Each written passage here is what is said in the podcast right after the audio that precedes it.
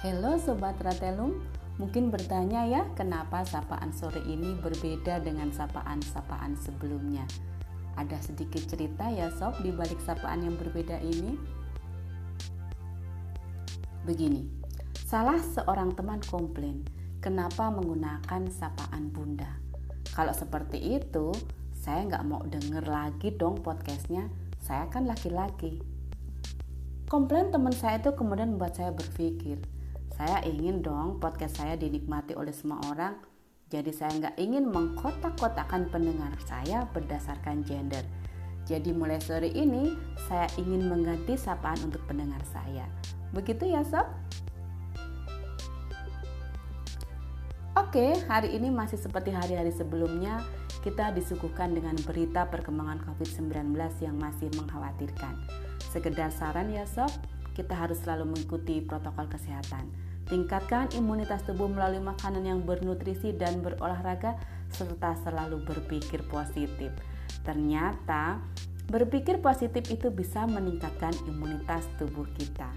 Kembali lagi bersama podcast Triwi Ratelum edisi 20 Oktober 2020 tentu dengan obrolan yang ringan, menyenangkan tapi tetap aktual dan kekinian. Oh ya sob, Tema obrolan kita kali ini adalah teman seperti apa kita. Wow, tentu bertanya-tanya kan, teman seperti apa sih kita ini? Manusia sebagai makhluk sosial tidak pernah melepaskan diri dari istilah pergaulan atau pertemanan. Kebutuhan untuk berinteraksi dengan orang lain bahkan dianggap sangat penting untuk mendukung segala aktivitas kehidupan. Bahkan untuk saat ini, pertemanan dianggap memiliki prestis tersendiri. Sederhananya begini, ketika seseorang mampu bergaul dengan masyarakat kelas atas, dia akan dianggap sebagai masyarakat kelas atas. Begitu juga sebaliknya. Walau pada kenyataannya hal itu tidak sepenuhnya benar ya. Manusia memang tidak bisa melepaskan diri dari orang lain, baik itu keluarga, masyarakat lingkungan sekitar, teman di lingkungan kerja, ataupun teman untuk sekedar bersenang-senang. Mulai dari bangun tidur sampai tidur kembali, manusia senantiasa membutuhkan orang lain untuk melengkapi hidupnya. Lantas, teman seperti apa yang selalu diinginkan seseorang ya sob? Pasti teman yang mau mendengarkan cerita kita.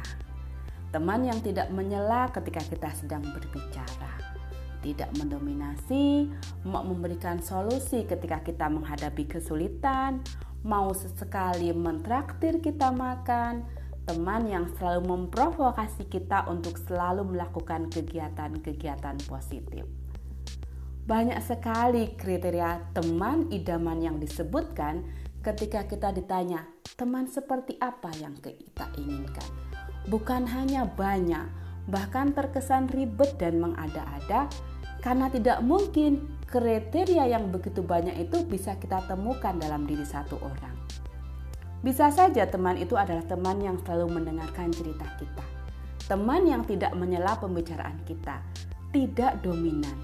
Tapi mungkin dia tidak cukup baik untuk mengajak kita ke arah yang positif.